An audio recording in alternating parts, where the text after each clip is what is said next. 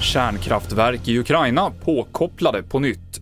Dyrare granar att vänta och femåring räddad efter tre dygn under rasmassorna på Java.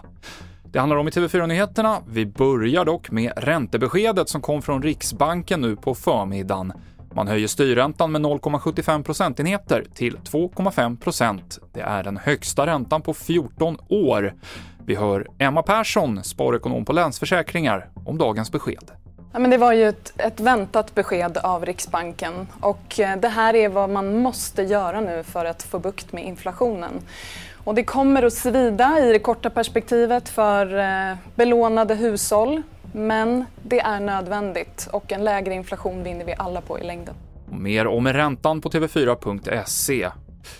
Efter Rysslands attacker mot energiinfrastruktur så har Ukraina nu kunnat koppla in flera kärnkraftverk på nätet igen och de blir ett stort bidrag i återställandet av elförsörjningen, meddelar ukrainska myndigheter. Bombningarna igår var de kraftigaste mot energisystemet sedan kriget började, enligt den ukrainska energiministern. Som mest var 70 procent av huvudstaden Kiev utan el. I Indonesien så har en femårig pojke räddats ur rasmassorna tre dygn efter jordskalvet på huvudön Java.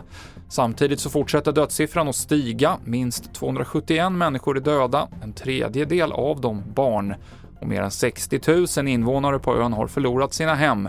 Tusentals människor är skadade.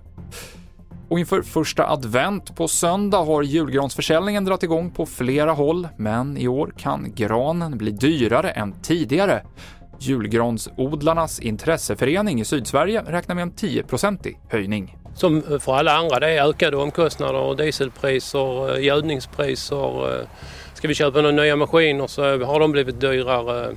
Ja, generellt så blir allting dyrare och då får vi höja lite grann vi också julgransodlare Håkan Olsson.